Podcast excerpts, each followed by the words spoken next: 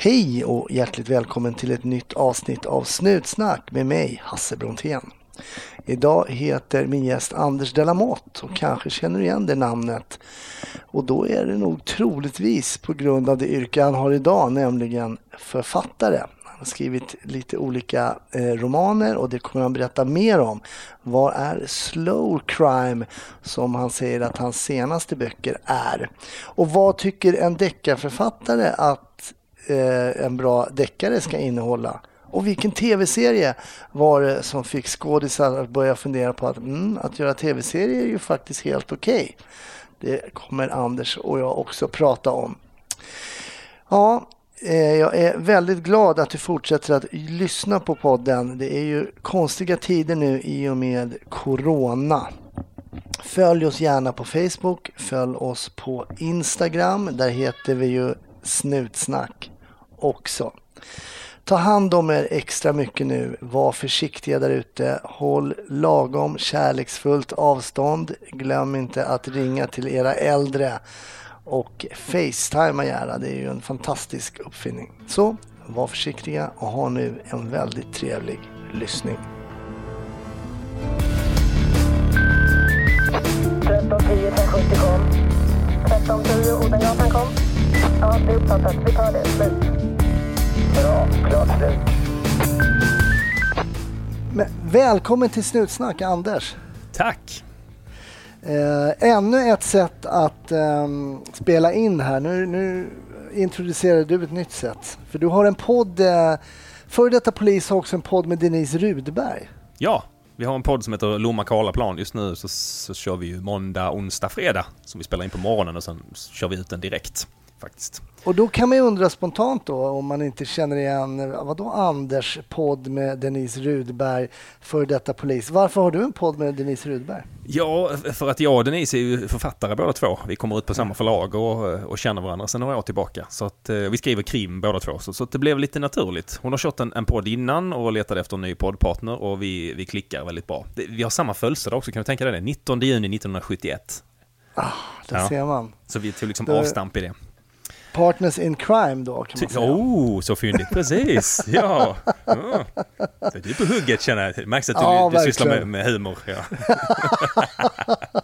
ja, jag är väl en blind höna eller vad det heter. Men det är ju så att du har ju då ett förflutet. Eh, när gick du polisskolan? Eh, det måste jag tänka efter. Jag började 93, på hösten 93. Ja, ja just det. Hösten 93.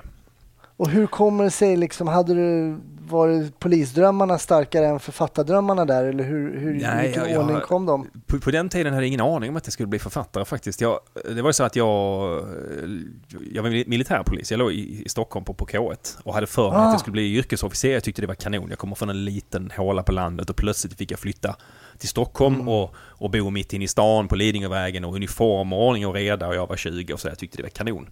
Men, men sen när jag sen började skrapa på ytan så insåg jag att militär, nästa steg i militärutbildningen då, det, det var ju jägarskolan, jag tror det var Kiruna då. Mm. Och det tyck, tyckte jag lät kallt skåningar och vinter och sådär. Det, det, finns inga, listan på berömda skånska vintersportare, den är kort. Den kan jag säga. Det, det, så att jag, började se mig om efter ett sätt att klamra mig kvar i Stockholm då och ändå behålla lite grann det här med uniformsyrket och så. Och, och, då var ja. det några som sökte polisen eh, faktiskt, och så jag hängde mest på. Eh, så lite till min förvåning sitter jag där på uppropet då på, på hösten 93. Jaha, här sitter jag med en massa du, Det är intressant. Eh, det är en väldigt intressant story. Jag låg också på K1 ja. som militärpolis. Men och titta. då kom de och rekryterade. Jag skulle inte börja jobba som polis. Uh, men sen så var det några då, där mina lumpapolare där på K1 som, ah, men jag ska söka, ah, men jag söker också. Sen plötsligt satt jag där på POS. Så den storyn är väldigt lik min måste jag säga. Intressant. Kolla! Ja. Då, då lärde du dig också rida i lumpen eller? Ja, precis. Ja. Och började faktiskt fatta tycke för hästar som jag inte alls hade haft innan. Nej. Jag var ju livrädd. Det var, vår första lektion, den var säkert samma för er, det var att lära sig ramla av. Oh. Ja, jag var bra på det. Det, känd, det var kanske min starkaste gren just i... Ja. Men, men, det var ganska bra ändå att ha liksom känt på det för då visste man okej okay, det är inte värre än så här i alla fall. Var, nej. nej. Fick, fick ni också betala mm, liksom om ni åkte av under ridlektioner och sådär mm, att ni fick betala? Ja. Vin hade en, och en potta med vin och whisky och öl och vad vi samlade. Om man, om man ramlade av utan tillstånd, man kunde ju be om tillstånd och få lov att ramla av, det fick man ju aldrig. Men, men, men man kunde ju teoretiskt sett göra det liksom. Ja, ja, det skulle vara snabba beslut från befälen då i sådana fall. Ja. Ja, ja. ja okej, okay, men okej, okay, 93 sitter du där på skolan, mm. har gjort lumpen. Hur ja. jag, jag personligen, nu ska jag bara lägga in, jag tyckte att det var dekadent att se hur poliser klädde sig när jag kom från eh, militärpolisen. Ja. Eh, man hade olika uniformspersedlar, slarvigt, knapparna olika knäppta. Ja, man var det fanns... skadad från lumpen. Och man fick alltså privata skor också, det var jättekonstigt att inte alla hade samma kängor, det var också lite märkligt. Ja. Jag, ja. Hade, jag, jag, tror vi hade samma eh, uppfattning där. Hmm. Vad hände mm. med liksom det här uniforma i uniform? Mm. Just det, just det. Ja. ja. Men eh, hur var, hur var den tiden där på skolan? Alltså jag trivdes ju väldigt bra på Polishögskolan. Det, det var ju, jag var ju strax över 20, jag är född 71 så, så det, det, var ju mycket, man var ju lite, lite i en sökande ålder där och, och det var mm. ganska skönt med att få lektioner och det var liksom ordning och reda och man skulle infinna sig någonstans. Och, eh, mm. man, man, var ju väldigt ett kollektiv, vi hade uniform på oss på Polishögskolan. Så det var ju, man behövde inte tänka så mycket utan det var, bara att slussas med. Vilket på ett sätt var, var, var, lite skönt. Och sen mm. var det ju lite den här känslan som, som man inte kommer ifrån att vara lite utvald ju. När, när, när, det är ett, ett jobb som man ändå får, som, som det är många som söker men alla får inte lov att komma in och man gör vissa tester och sådär. Mm. Att man känner sig lite handplockad tillsammans med en massa andra som också är lite handplockade. Som man är ju relativt lik. De, de, de flesta har ju lite så här, ungefär samma grundinställning och sådär. Mm. Så det var, det, var ju, det var ju lätt att hitta kompisar för, för livet där. Och det var ju rätt Just många det. som dessutom som fattade tycke för varandra rent privat också. Så, så, så att, eh, ja, det är många som gjorde slut och blev ihop. Och ja, ja, och så skulle byta distrikt för att nu har man plötsligt träffat någon, någon från, från Umeå och så skulle man flytta dit och sen tog det slut och skulle man flytta tillbaka till sitt ordinarie distrikt igen. Och så det var mycket sånt där var det. Men, ja, men jag sökte ju för, för Stockholm, jag tog sig in för det som hette Östermalmspolisen på den tiden. Eftersom jag hade arrest där. Så jag sökte Precis. inte för Skåne. För Skåne hade bara så här, det var 20 platser och någonting. Och jag var ganska ung i den kullen. Så jag insåg rent matematiskt att jag skulle nog komma in. Men Stockholm hade okay. 150 eller så. Eh, mm. Så då sökte jag för Stockholm för Östermalm. Just det, på Tulegatan. Ja, just det. Stämmer. Mm. Mitt emot Farang, för er som är, där, där låg det för det var ju kyrka, kommer ni ihåg? Det var, det var ju kyrkan som ägde hela den, eh, det ligger en sån lite frikyrka där, som äger byggnaden. Ingen, ni hade ju ingen arrest. Nej, eller rätt sagt det var så att vi hade en arrest. Men när det då man tog in någon intagen och som kanske då var lite högljudd och full och dum. Och de låg och skrek och sparkade så hördes det in i kyrkorummet på andra sidan den här väggen. Så kyrkan som var där hyresvärd, de förbjöd då Östermalm ha några egna intagna där. Så att vi fick inte köra ner dem till Norrmalm. Och Norrmalm fnös ju alltid först liksom att aha, här kommer Östermalmspolisen. De är för fina för att ha folk i sin arrest på Östermalm. De kommer ner med dem hit. Ja. Ungefär så lät det. Ja, men så var det lite grann. Och det, mm. Vi pikade ju alltid Östermalmspolisen som kom in till våran station för att liksom, kan ni ta hand om de här kriminella? Med sina fyllor och kriminella, vad det nu var. Men sen slogs vi ihop, så sen så, jag gjorde ju, eh, ordningspraktiken gjorde jag väl huvudsakligen på Söder. Och ah, okay. eh, jag tror du och jag träffades en stund när jag var på gatulangningsgruppen faktiskt. Ja. En, en, en kortis där. Eh, ah, och sen när, när jag var klar så var det den här Egerstedts-utredningen som kom fram till att City hade alldeles för många poliser. Så, så då blev jag utskickad till norrort då. Så jag varit där hur, var, hur var skillnaden där då, gå från söder till norrort? Ja, men det var ganska rejäl skillnad var det. det var, man var mycket mer, för, för på den tiden hade ju norrort sin egen, ledningscentralen var ju där. Så att alla som var i turlaget jobbade, det var ju de som satt på radion och den som satt i receptionen och, och eh, den som satt i arresten och de, de, som åkte ut. Så man var ju mycket mer så, lite som en familj. Ja. Jämfört med i stan, där hade man ingen koll vilka det var som satt på radion, man kände bara igen rösten. Och de som satt i resten, ja det kunde ju vara turlaget men det kunde ju vara någon annan också sådär. Så det var mycket mm. mer sammansvetsat. Och det var väl lite mer, man kan säga lite mer varierade uppgifter också. Ehm, det, mm. det blev ganska fort skog och land och så där ute. Så, så att vi hade ja. lite, lite, lite, andra arbetsuppgifter som man inte var så van vid. Som, som just, just det. Så det blev mer eh, varierad egentligen? Ja, det får man nog säga. Eh, och lite mer sådär praktisk problemlösning för man kunde ha mycket längre till stationen. I stan var det ju ganska, det var ju alltid nära till en station i stan. Plus mm. att det var mm. alltid nära till andra poliser också. I, i norrort så hade man kanske, jag tror vi hade tre eller möjligen fyra radiobilar ute på hela norrort. Och, och då pratar vi typ Sigtuna, Märsta, Sollentuna, ett jättestort område, Jakan. Ja. Så då jag fick man jobba lite på, annorlunda. Jag tänker på det här att du numera jobbar som författare. att det här med skriv, var det alltid du som skrev då? Var det alltid Ja. du som fick skriva? Var det så eller? Ja, ja, men det var det för att jag, jag hade gått ekonomisk linje på gymnasiet. Fråga mig inte varför. Det finns, det finns inget bra svar. Det var 80-tal. Jag var ung och dum. men, Ja. men vi hade ju maskinskrivning som, som ämne. Kan du Mm. tänka dig? Du vet, alltså där man, man, för er som inte har uppfattat, upplevt det här, man tejpade alltså över alla tangenterna på en skrivmaskin, en elektrisk, Mm. inte sådär, men sadistisk jävel. Och så skulle man sitta där och skriva i blindo, liksom, man hade ingen aning om vad det stod på tangenten. Och så skulle Ah. man lära sig på det sättet då, så hoppades man att man skrev rätt. Så, så, så jag var ganska slängd på att skriva maskin. Det gick ju ganska mycket fortare när jag skrev. Än, än de här lite äldre kollegorna som fortfarande höll på, du vet, örnmetoden. Man cirklar och slår ner, typ pekfinger. Just det, Den- den. Så, så att jag fick nog skriva mer än min beskärda del. ehm, faktiskt, just för att det gick rätt fort. Vi kom hem om jag gjorde det. Ja. Men eh, var det, var det, körde du alltid den här dag som ovan patrullerade radiobil Ja. eller målade du ut det lite mer? Nej, det, man fick alltid inleda med sen dag som ovan, eh, radiobil och sånt som, med, med vilka som befann sig i den. Så jag kan fortfarande Ja. slå på det. Jag, jag skrev in det i någon bok så jag försökte gå över till så här myndighetssvenska. Och, och det, Jaha. gick, det gick förvånansvärt bra. Jag har med det fortfarande ibland sådär att jag liksom klipper ut en bit av en polisrapport. Och man slår om till det här yxiga, du vet. Vederbörande precis. befann sig på platsen, du vet, i syfte Ja, att utdela slag av ej, om, smärta av ej omedelbart övergående natur. Utgör Är fara för sig själv eller annan och så vidare. Är när polismannen... Ja, när ja. Ja, den är bra. Så, så Ja. det där, eh, nej. eh, Men det som blev var Men- ganska bra var ju med att, att man fick ju lära sig ändå, alltså ett ganska fort sammanfattat större skeende. Vem har gjort vad mot vem och när och var och hur ungefär. Det är ofta Just det det. handlar om. Och, och det är lite, lite samma när man skriver krim. Det är också ett, ett skeende man ska beskriva någorlunda effektivt. Man får inte brodera ut för mycket. Så. Men vad kom, den här, vad kom den här tanken ifrån då att liksom eh, börja skriva typ en roman? Det är ju, en, det är ju ett ganska stort jobb att sätta ihop en roman. Va, va, har det funnits liksom i bakhuvudet eller kom du på en bra story eller hur, hur kom den tanken upp? Det, det, ska säga, det dröjde och, och det gör det för de flesta tror jag som skriver faktiskt. Det, det är ganska få som är så här 19-åriga underbarn som bara snyter ur sig en, en generationsroman sådär i förbifarten. De finns och vi avskyr dem men, men, men de, är, de är ovanliga.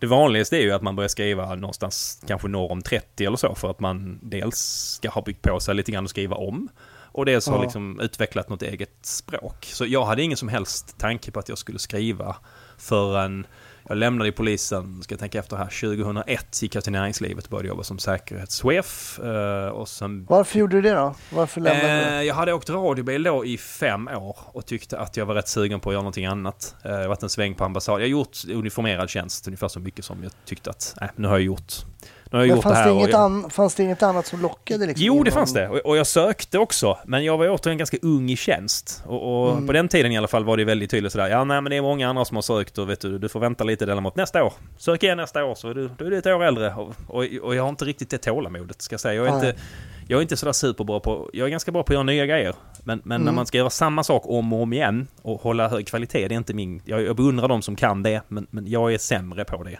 Så jag blev, Okej. då blev jag uttråkad. Och, och, och, det var jag vid det laget. Och då Okej. hade jag lite tur att det var ett företag, eh, UPS, transportföretag, som sökte en säkerhetschef. Och jag hade jobbat med ett, ett projekt som, som hade lite med logistiksäkerhet att göra. Så jag sökte det jobbet och jag fick det och på den tiden fick man vara tjänstledig från polisen också för att prova ett annat jobb. Så det var helt knäppt. Men jag, jag riskerade ju ingenting utan jag kunde vara tjänstledig Nej. från polisen och sen så provjobba som Ja, säkerhetschef. det är ju fantastiskt. Ja, det var väldigt generösa regler på den tiden. Så, um, och då gjorde jag det ett halvår ungefär innan jag sen kände att, att det var, passade mig ganska bra att, att jobba för näringslivet. En säkerhetschef är ju lite som en företagspolis kan man säga. Det, Ja, just det, precis. det får man väl ändå säga. Men sa du upp det redan efter sex månader då eller? Nej, det var till och med så att, att jag lyckades få, jag hade sex månader men sen så ansökte jag om att få ytterligare sex. Men då fick jag, om jag inte minns helt fel, fick jag fyra eller tre till. Så jag fick inte Okej. fullt igen. Men, men, och efter det så kände jag att nej, nu, nu kan jag nog bestämma mig för att jag vill göra det här ett tag. Men, men jag tänkte länge så att jag skulle jobba med, som säkerhetschef några år och sen skulle jag gå tillbaka till polisen igen. Så jag hade mycket så här, när jag går tillbaka, den tanken vet jag att jag upprepade ganska många gånger. Just Så det. att, att det skulle ske. Fick du bättre betalt som säkerhetschef?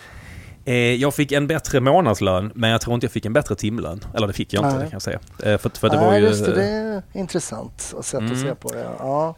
För man var ju hela tiden i tjänst på ett eller annat sätt. Alltså, hade det hänt någonting kunde man ju inte säga att nej men det är inte mitt skift. Utan det var, liksom, det var, det var jag som, som jobbade där. När telefonen ringde var det ju aldrig något trevligt som hade hänt. Det är ingen som ringer säkerhetschefen för att säga att nej, det är ingenting som har hänt idag. Vi vill bara ringa och kolla läget. Det händer aldrig. När, när, när det ringer hos säkerhetschefens telefon då har någonting gått åt helsike.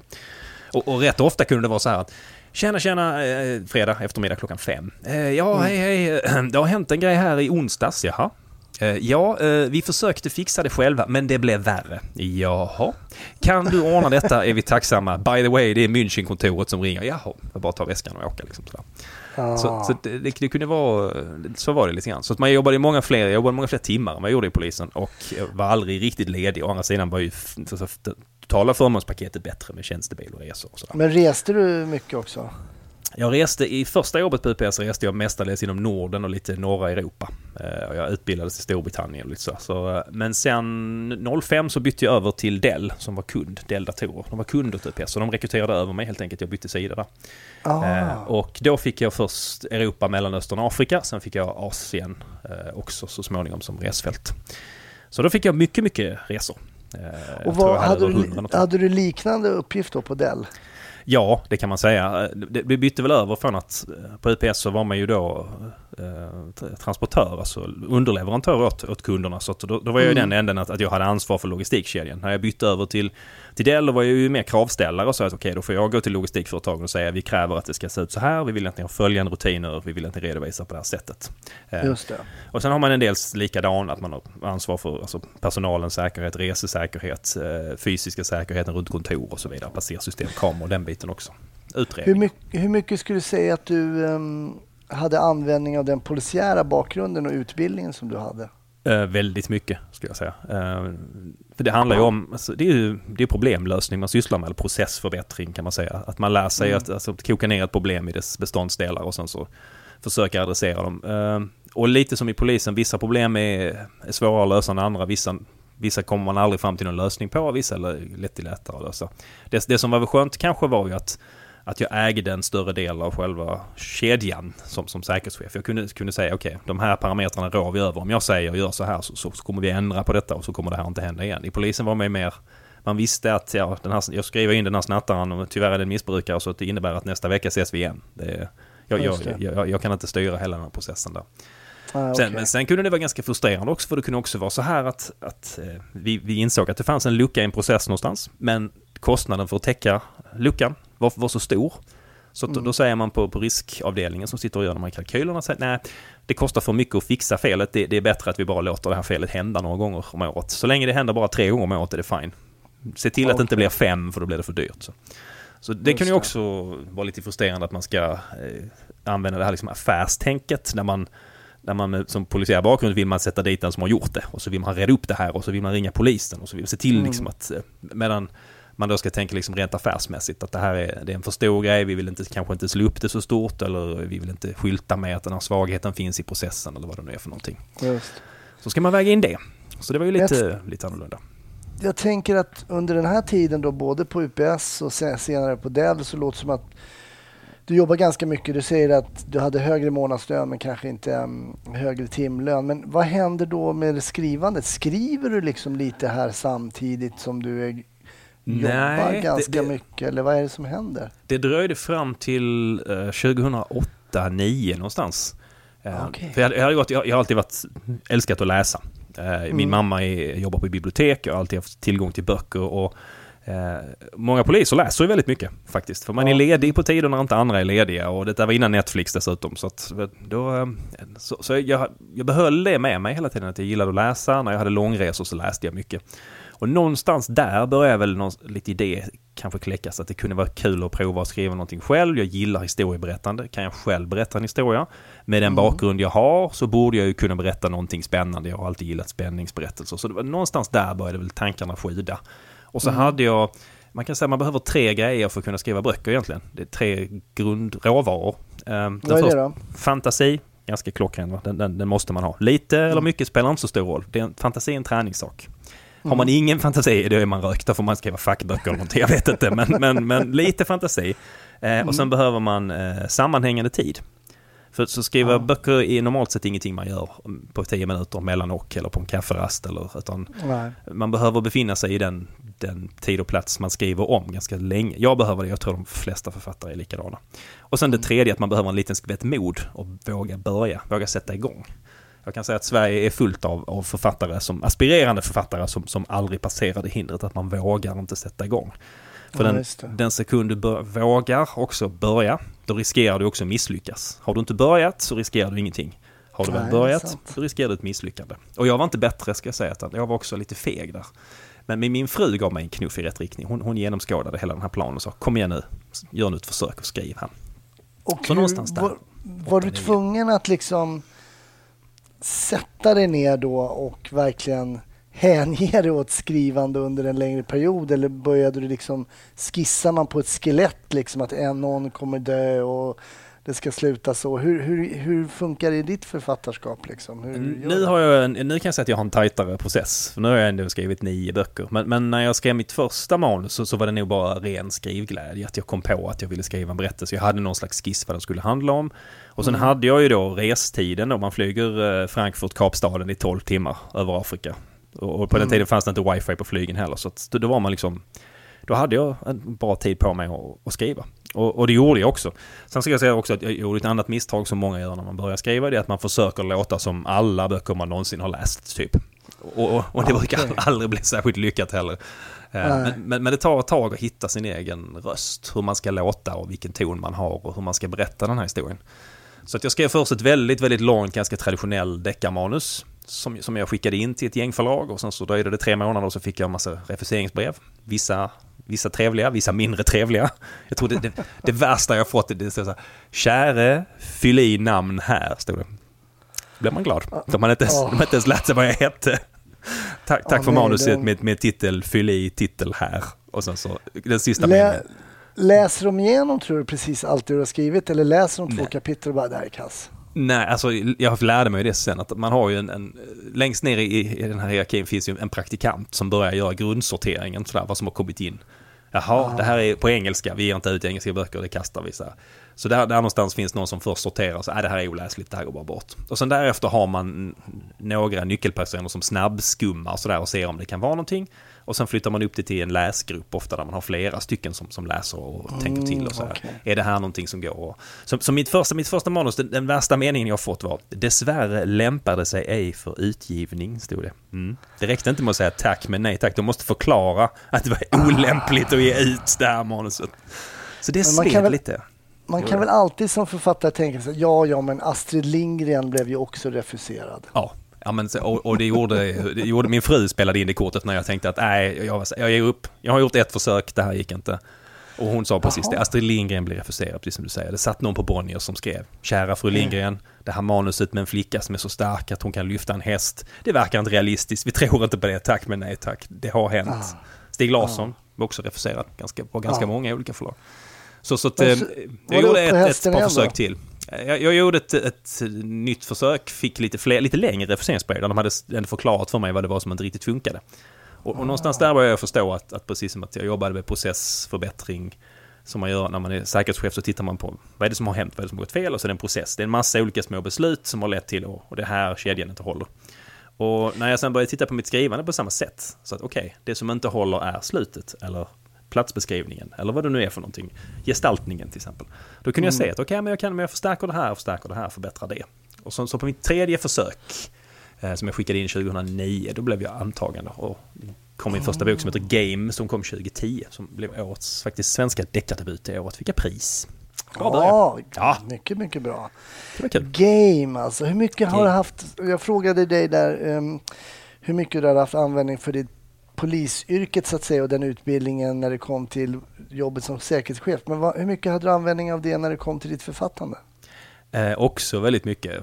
I Game är ju en av huvudpersonerna. Dels är det ju HP som, som, som är lite av en, en slacker. Han, han, han sitter mest hemma och spelar Xbox och röker diverse Hampa-baserade produkter. Så där, han är den typen. Ah, Antihjälte okay. är han. Men så har han en syrra som heter Rebecca som är ju livvakt på Säpo. Då, så så dels hade jag den biten och sen så ställer HP till med en hel del dumheter där han då träffar på diverse konstaplar dessutom. En del är faktiskt skriven i game, faktiskt skriven som en, en polisanmälan är skriven. Dag som ovan, radiobil 1940 med polisassistent, se och så.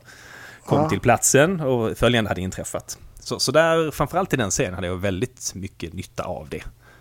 För jag tänker att självklart har du ju stor nytta av det polisiära, hur poliser tilltalar varandra, hur man för sig i en radiobil, hur man ropar på varandra. Men jag tänker att även i yrket som polis så får du inblick så att säga i de i, i den liksom i skuggsidan samhället. Alltså du möter ju också de, de personer som game också handlar om, som gör mm. saker som är kriminella och sånt. Hur mycket hade du användning av den biten då?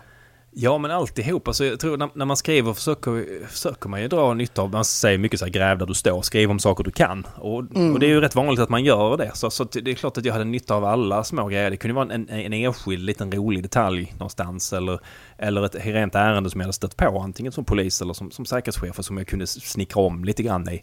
Eh, och även i kommande böcker sen. Eh, så, så att det återkommer hela tiden det här. Förutom det du säger att, att skapa känslan av att det ska kännas autentiskt kring poliserna. Men också, eh, också rena, rena fall. Och, och ibland också sådär, ja oh, just det, de, de, de har varit smarta de här banditerna. Så det där tänker jag använda för det var en ganska så smart grej. Och, och så, mm. så, så, så, även du har rätt, båda sidor har jag helt klart haft nytta av. Sen, sen kan man säga, det, det finns en liten fara i det här också, att man, man kan ganska mycket om ett ämne. Eh, för, mm. för det som är ganska vanligt är att då vill man berätta hur mycket man kan. Det kallas att man har research-överskott. Ah. Okay. Och, och, och, vill man vara lite väl noggrann med att berätta exakt hur det ser ut inne i en radiobil eller exakt hur det går till inne på en station. Och så tappar man bort läsaren lite. De, de tycker det är intressant i en viss gräns, men, men sen kan det bli lite mycket. Det, det är lite, ah, lite grann samma sak när, som när Jan Guillou skriver om Israel-Palestina-konflikten. Han kan den jättebra, han är väldigt engagerad i den, men ibland kan det bli lite mycket.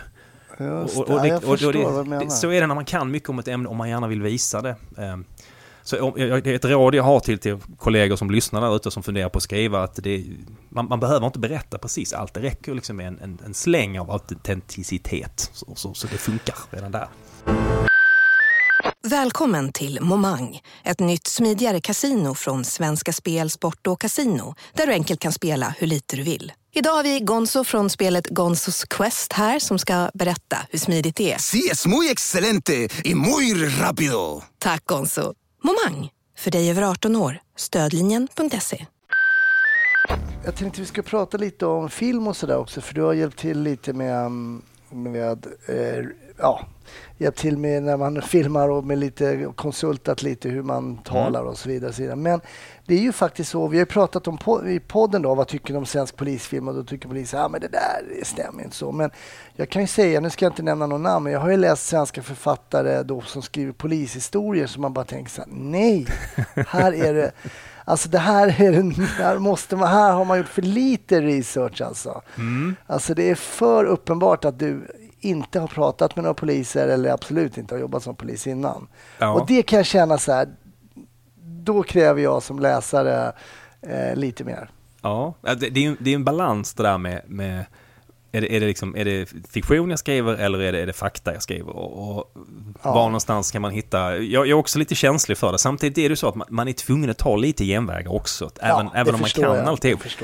Eh, man ska, om man ska beskriva ett spaningsmål till exempel offer och förövare har ingen känd koppling. Och, och vet, ett spaningsmord i, i alla fall i Stockholm, det skulle kanske ingå någonstans runt kanske 40 poliser eller så, den om du räknar tekniker och mm. alla som är involverade. Och det, du vet 40 poliser i persongalleri, tillkommer misstänkta, tillkommer vittnen, tillkommer familjemedlemmar. Då, då blir det så här Game of Thrones-öppning, vet man får börja med sex sidor familjekrönika och beskriva alla som är med innan, innan man kan börja med handlingen, det går inte. Så, så därför får man ju liksom ta den, den, till och med GV måste göra så som, som liksom är ännu ja. noga med alla detaljer. Man måste försöka göra det lite, lite mindre än vad det egentligen är för att, för att kunna driva berättelsen framåt och inte tappa bort ja. läsaren. Ja, jag fattar det. Eh, men, men, men jag håller med dig, så jag, jag är ju framförallt känslig för när man när man bryter mot sådana här, man hänger upp hela premissen i berättelsen på någonting som är uppenbart fel. Eh, mm. Ja, polisen stoppar seriemördaren ute i sin bil och de öppnar bagageluckan och haha, där ligger det styckade liket. Men så visar det sig att man inte hade laga skäl för husrannsakan och så blir seriemördaren utsläppt på gatan igen. Nej, vänta nu här. Stopp, stopp, stopp. Olagliga bevis. Liksom, ah, vänta, pappa, men vi har fri bevisprövning i Sverige. Ja, det, finns, det inte. finns inte. Det hade inte blivit så. Du kan inte hänga upp hela berättelsen på den grejen. Eh, så, Så det, det kan jag också känna. Så jag, jag, jag, kan, jag kan ha mer förståelse med åren med att man tar liksom en genväg i själva, kanske i polisarbetet. Mm. Jag, jag, tänker alla förhör som hålls kring ett mål, alla förhör som inte ger någonting. Då, kan man inte redovisa, här är ännu ett förhör, det här kommer inte leda handlingen någonstans, men här är ett till. Nej, det är sant, det är sant. Men, men, när det är sådana grejer så, så då, då, hoppar jag lite också. Att, oh, ah, vad de, ah, kunde de inte bara googlat eller ringt någon eller det ska sägas att gans, ganska, många, ganska många krimförfattare känner folk i polisen som, som de ringer Ja, det kan jag tänka mig. Alltså. Och det, och det är lite lättare nu att googla sådär, så att man har koll på liksom gripen, anhållen, häktad. I alla fall att det, kan, det tycker man är grundläggande, att man får det rätt. Så att, Ja, ja. Nej, men det är precis. Man måste kunna basic basic. Att man inte skrev innan... arresterad så är så. Sen blev han arresterad. Blah, blev han arresterad. Nej, Nej blev han, eller polisen häktade någon. Ja. ja. Men jag tänkte innan vi pratar lite film och så där, så tänkte jag att du ska få gå tillbaks eh, till din tid som polis och eh, få dela med dig av en historia som du har ur liksom, från din polisiära karriär. Mm. Vad, vad, har du där som ligger i minnet kvar? Liksom? Jag, jag har en historia när, när jag började i Norrort.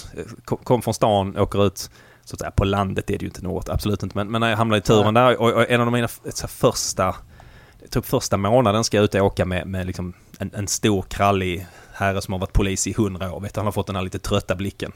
Och så ska mm. han åka med, ja du vet precis vad jag menar. Och, och sen dessutom har vi fått tilldelat en sån teknisk modernitet. Vi, vi har fått en, en liten, det är en NMT-telefon, stor som en tegelsten ungefär. Mm. Eh, och, och, som man ska använda för att kunna göra en QP på, man ska kunna göra fordonsfrågor och så alltså, Men, men det, den är under utvärdering den här mojängen. Och alla har snabbt kommit fram till att den här fungerar inte som den ska. Det, typ var femte slagning funkar, ingenting annat funkar. Men vi måste ändå ha den. Och jag är yngst i turen så jag åker ju på den här förbannade grejen. Och inte nog med det, den har en sån här löjlig liten rem runt också så man ska ha den runt handleden och gå runt och dingla med den där. Och alla gör... En manbag. En manbag. Och alla gör ju narr av mig också, har den där. Visst, och så vi sitter i bilen. Han kör, jag sitter på, på, på radioplats. Jag lägger den här mellan sätena. Mm. Och, och det, det, är på den här tiden, liksom, det är innan den här nya fina displayen med tryckknapparna. Utan det, du vet, blåljusen det är kryckan vid handbromsen. Det är den orangea gamla kryckan. Jag slänger ner den här grejen där, vi åker runt, det, det, det är kväll, nattpass.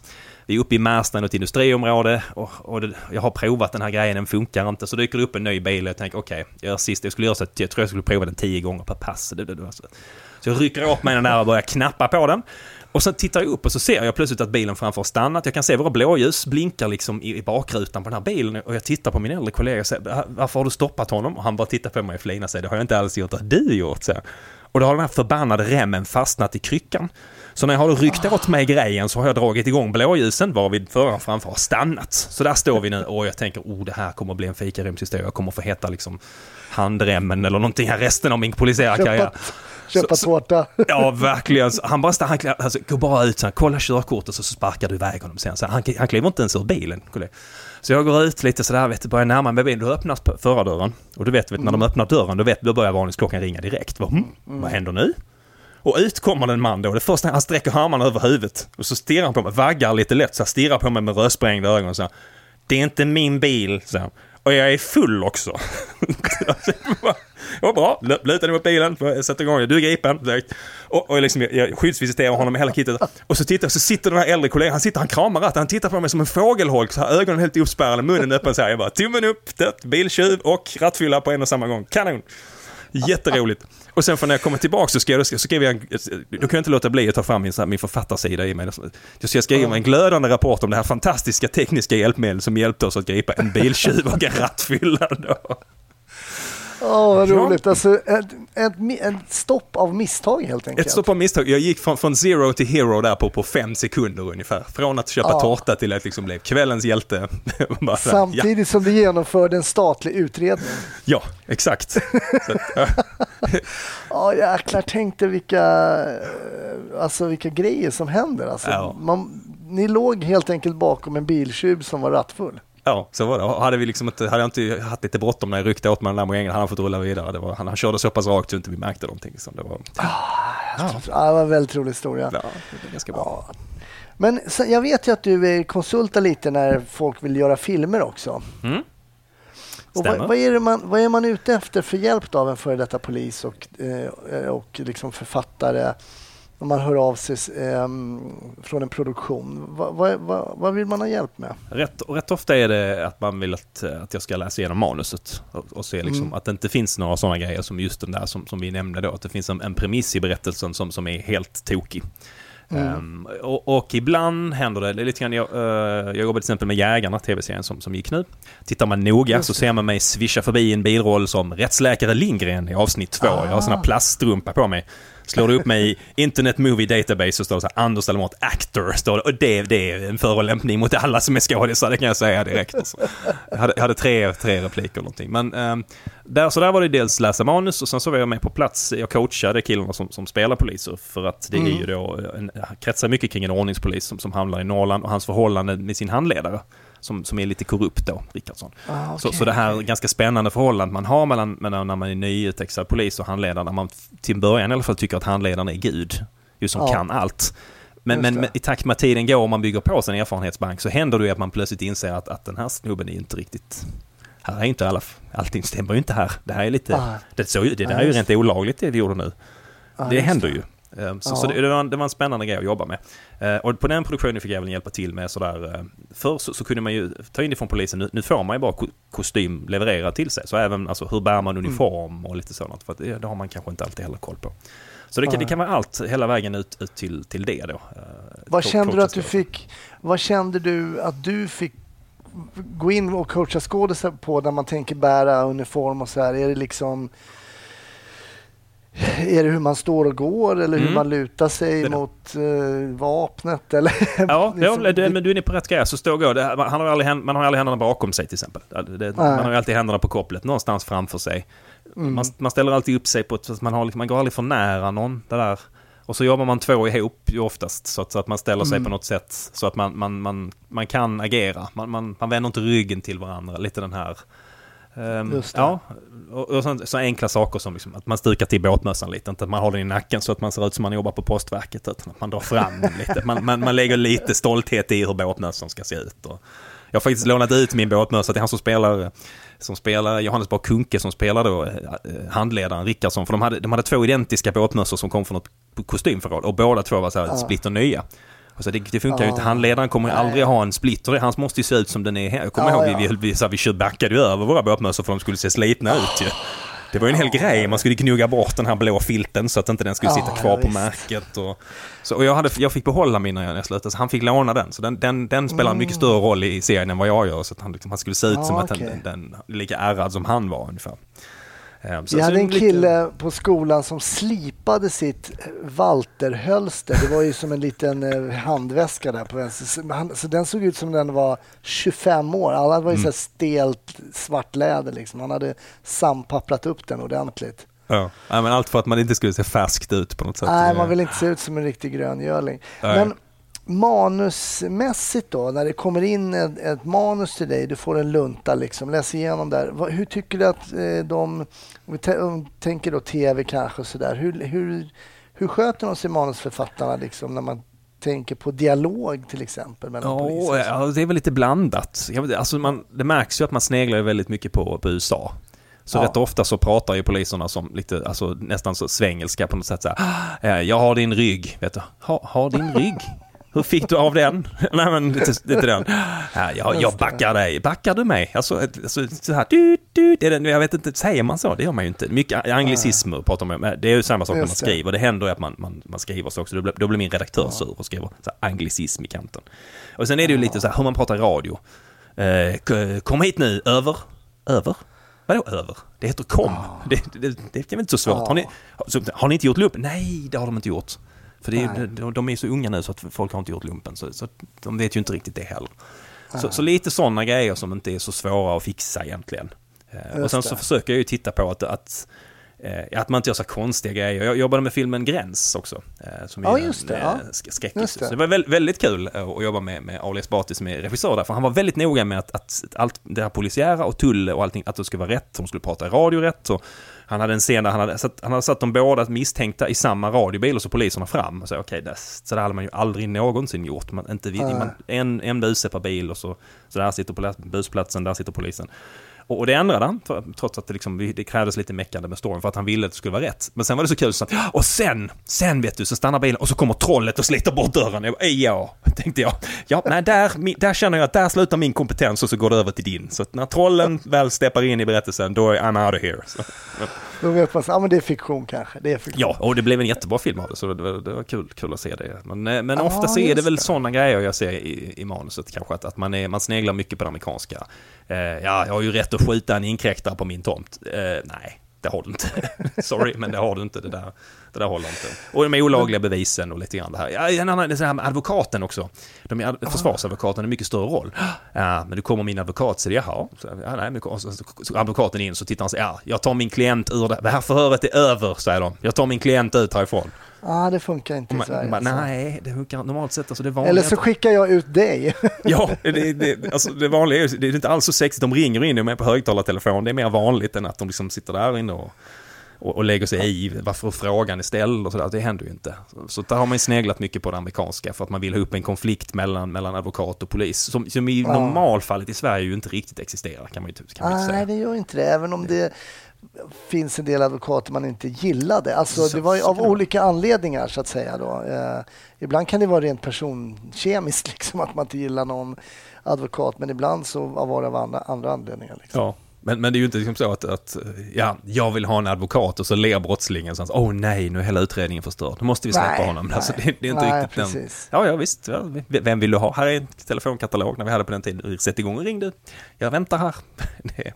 Men då, jag blir ju givetvis väldigt nyfiken kring vad du har för, liksom, vad, vad gillar du för, för om vi snackar krim, liksom, när vi pratar först eh, litteratur, alltså böcker. Vad, Mm. vad, vad, vad läser du då gärna? alltså jag läser ju det mesta får jag säga, men just nu är jag rätt förtjust. Jag skriver ju i den genren just nu också. Jag har ju bytt genre tre gånger. Först skrev jag i Games-serien som är väldigt högtempo, thriller, Ja. action, högoktanig action. Sen skrev jag Memorandum Ultimatum som är kla- klassiska polisdeckare, thrillers, det är biljakter i Stockholm och styckade lik och explosioner och den typen av berättelse. Ja. Och, och nu skriver jag det som kallas för slow crime, som, där, man, där det är en, en lite långsammare, där man inte använder tempo som, som, eh, som spänningshöjare. Vilket är lite svårare. Det, att, en, en liten hemlig så alltså, det är inte så supersvårt att skriva spännande om man har det händer saker i vartenda kapitel. Plus att man har så här, du vet, eh, styckmördare som, som skickar eh, lappar till polisen med offrets blod, den typen. Alltså, för det, det blir liksom spännande ändå. Det, det, Just det är mycket, mycket mer... Alltså, det är inte så svårt att skriva en spännande dialog om den ena personen siktar på den andra med ett hagelgevär. Det blir spännande i sig. Så, Ja. men, det, men det är mycket svårare att skriva en dialog som är lika spännande minus hagelgeväret. Och då, då får man Ja, jobba lite hårdare. Och, och jag, är, Mm. jag är rätt förtjust i den typen av krim. För det är, man får vara mycket, mycket noggrannare med hantverket där. Med, med stämning, med dialog, med gestaltning som man pratar mycket om ju.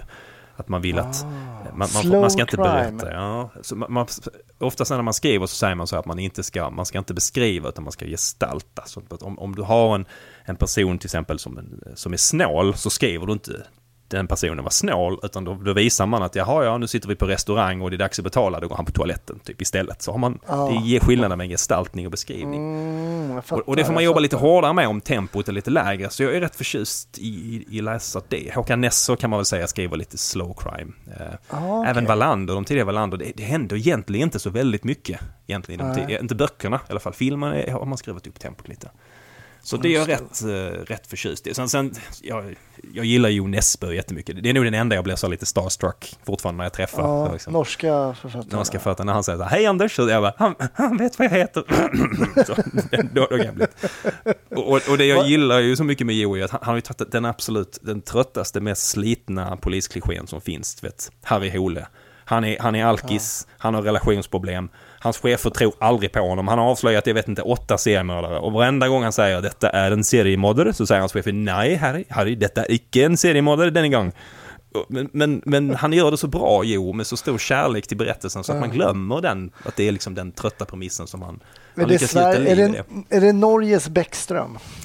Ja, fast, fast Hole är mer rättrådig på något sätt på ett Ja. sätt. Men sen så drar han ju inte han sig för att bryta mot reglerna som Bäckström. Fast Bäckström är mer så han gynnar ju bara sig själv. Bäckström i boken, alltså gynnar ju, böckerna gillar ju, han gynnar ju bara sig själv. I serien är han lite, nu lite för rättrådig tycker jag, för min smak. Ja, alltså i serien är han alldeles för snäll. Han är inte ens sexistisk. Nej, Nej, det hade väl inte gått där- att sälja in den, tv-serien. Och vi har en eh, upplägg här med en man. Han är sexistisk och han är rasistisk och han är, han är bara ett svin. Fast han löser brotten då. Fast mest med tur faktiskt. Men, Ja. ja. Men eh, det är ju det, nu, inte för att jag på något sätt är för just det, men det är ju det med den karaktären Bäckström som man gillar. Jag tycker att GV verkligen har lyckats fånga en typ av poliser där som eh, finns liksom. Men, Ja.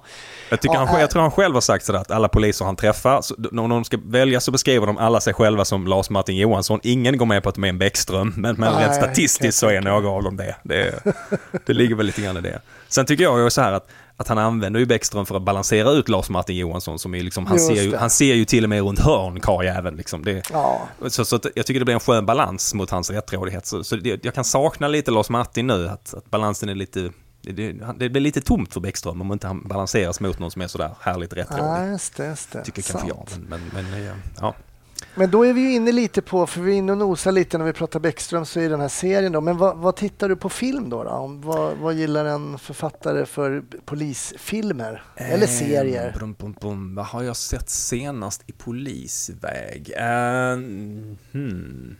Jag tittar väl inte på så hemskt många just nu. Eh, Det behöver jag, inte vara någon nyligen tittat. Det kan ju vara som du har sett alltså, i historien som du tycker är riktigt bra. Liksom. Jag tycker ju True Detective säsong 1 och 3 tycker jag funkade Mm. väldigt bra. Jag tyckte- Säsong 2, alla säger den var så dålig. Den- var, den var helt okej, men det var för att säsong 1 var så jäkla bra som, som Ja. man, man tyckte att den var lite mer sval. Ja, det var ju riktigt bra den här säsong ett. Alltså. Ja, jag tyckte faktiskt att trean inte var så dum den heller. Den hade Ja. lite sina... eh, Så, ja, det, det är snyggt berättargrepp man jobbar med. Sen så, jag tycker ju om klassiska The Wire, jag gillar The Sopranos, är en av mina absoluta favoriter. Mm. Eh, när man tittar på, på serier. Eh, Sopranos var ju stort också för att det kanske den första så här, riktiga kvalitetskrimserien som gjordes. Plötsligt blev det ju Ja, fint det. att vara med i tv-serier efter den. Då ville alla Ja. göra tv-serier. Innan dess var det liksom en seriös skådis tog inte in tv-serie med tång. Nu vill alla ha tv-serier istället.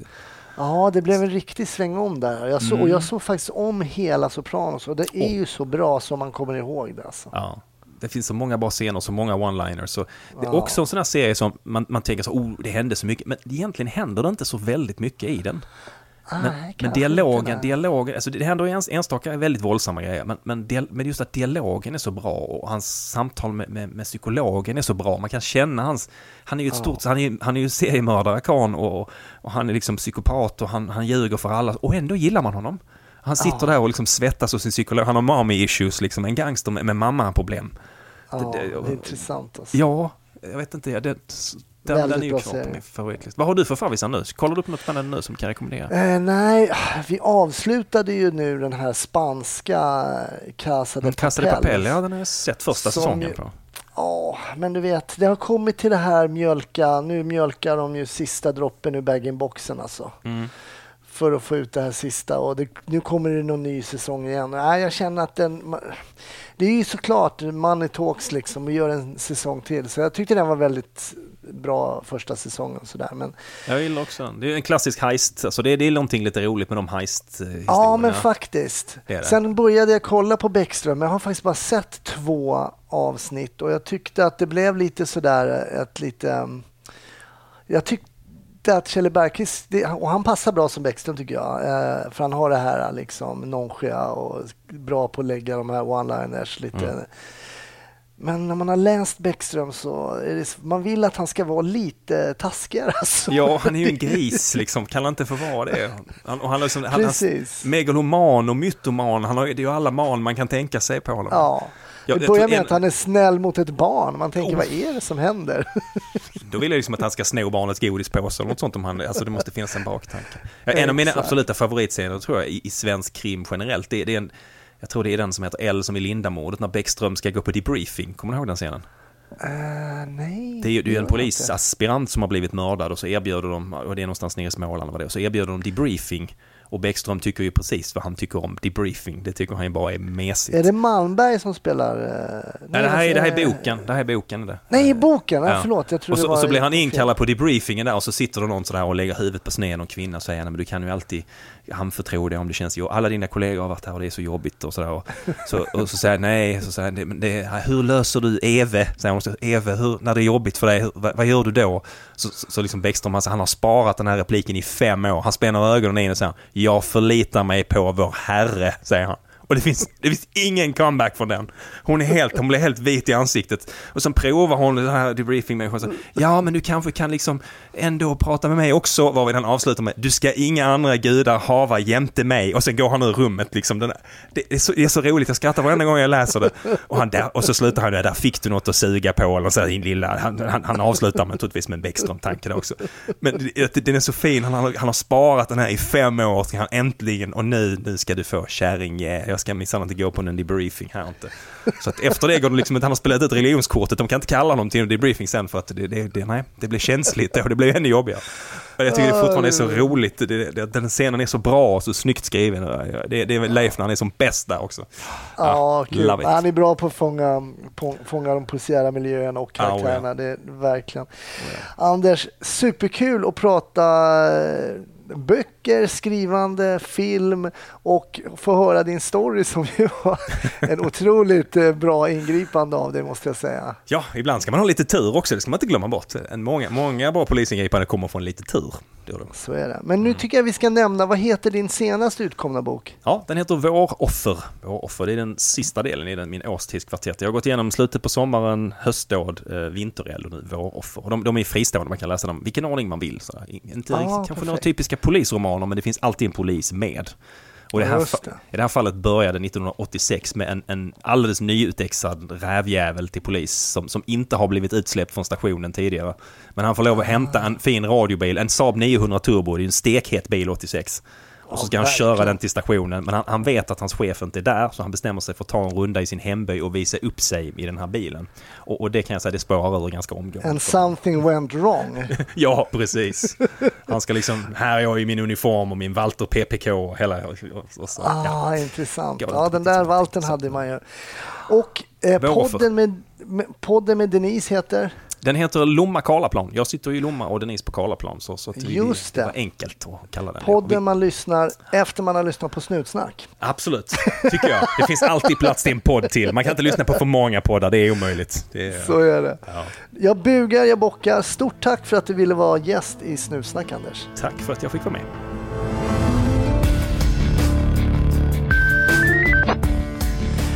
Stort tack för att du har lyssnat på ett avsnitt av Snutsnack med mig Hasse Brontén.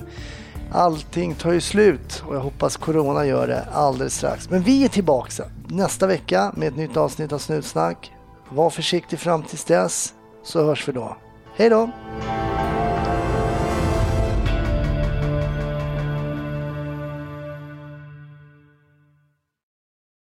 Välkommen till Momang, ett nytt smidigare kasino från Svenska Spel, Sport och Casino där du enkelt kan spela hur lite du vill. Idag har vi en stjärna från spelet Starburst här som ska berätta hur smidigt det är. Jaha, så smidigt alltså. Momang, för dig över 18 år. Stödlinjen.se.